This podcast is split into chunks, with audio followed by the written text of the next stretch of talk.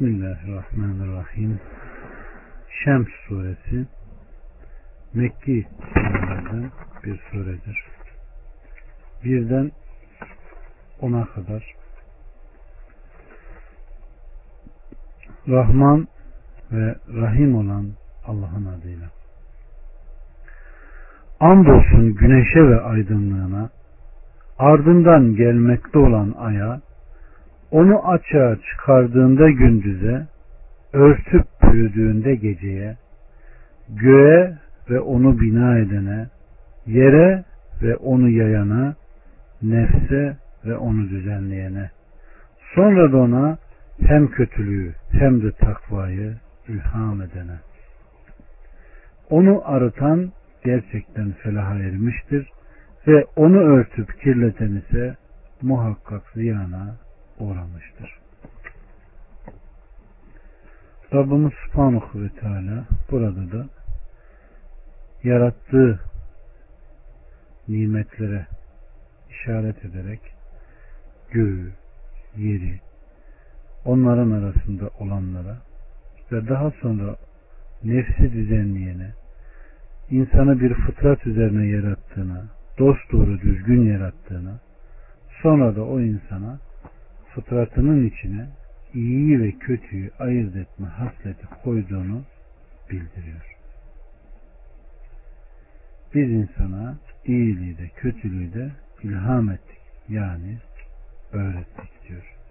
İnsanoğlunun fıtratında iyiyi de kötüyü de ayırt edilecek bir haslet vardır.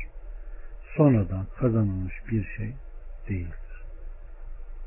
11'den 15'e kadar Semut azgınlığı yüzünden yalanladı. En azgınları ileri atıldığında Allah'ın peygamberi onlara Allah'ın dişi devesi ve onun su hakkı demişti. Fakat onu yalanladılar ve derken deveyi kestiler.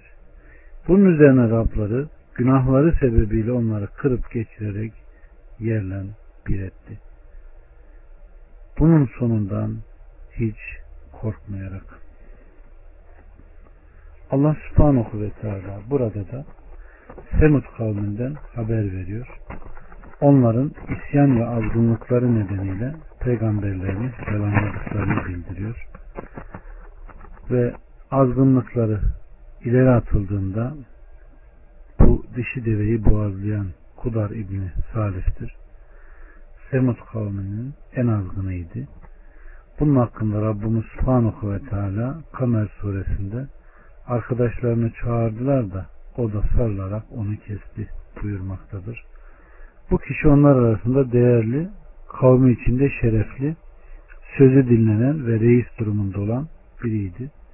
Nitekim Ahmet'ten gelen bir rivayette Aleyhisselatü Vesselam Efendimiz hutbe okumuş ve dişi deveden bahsederek onu boğazlayanı anlatmış ve en azgınları ileri atıldığında buyurarak kötülükte aşırı giden güçlü, kuvvetli ve toplumu içerisinde karşı konulmayan Ebu Zema gibi bir adam öne atıldı demiştir.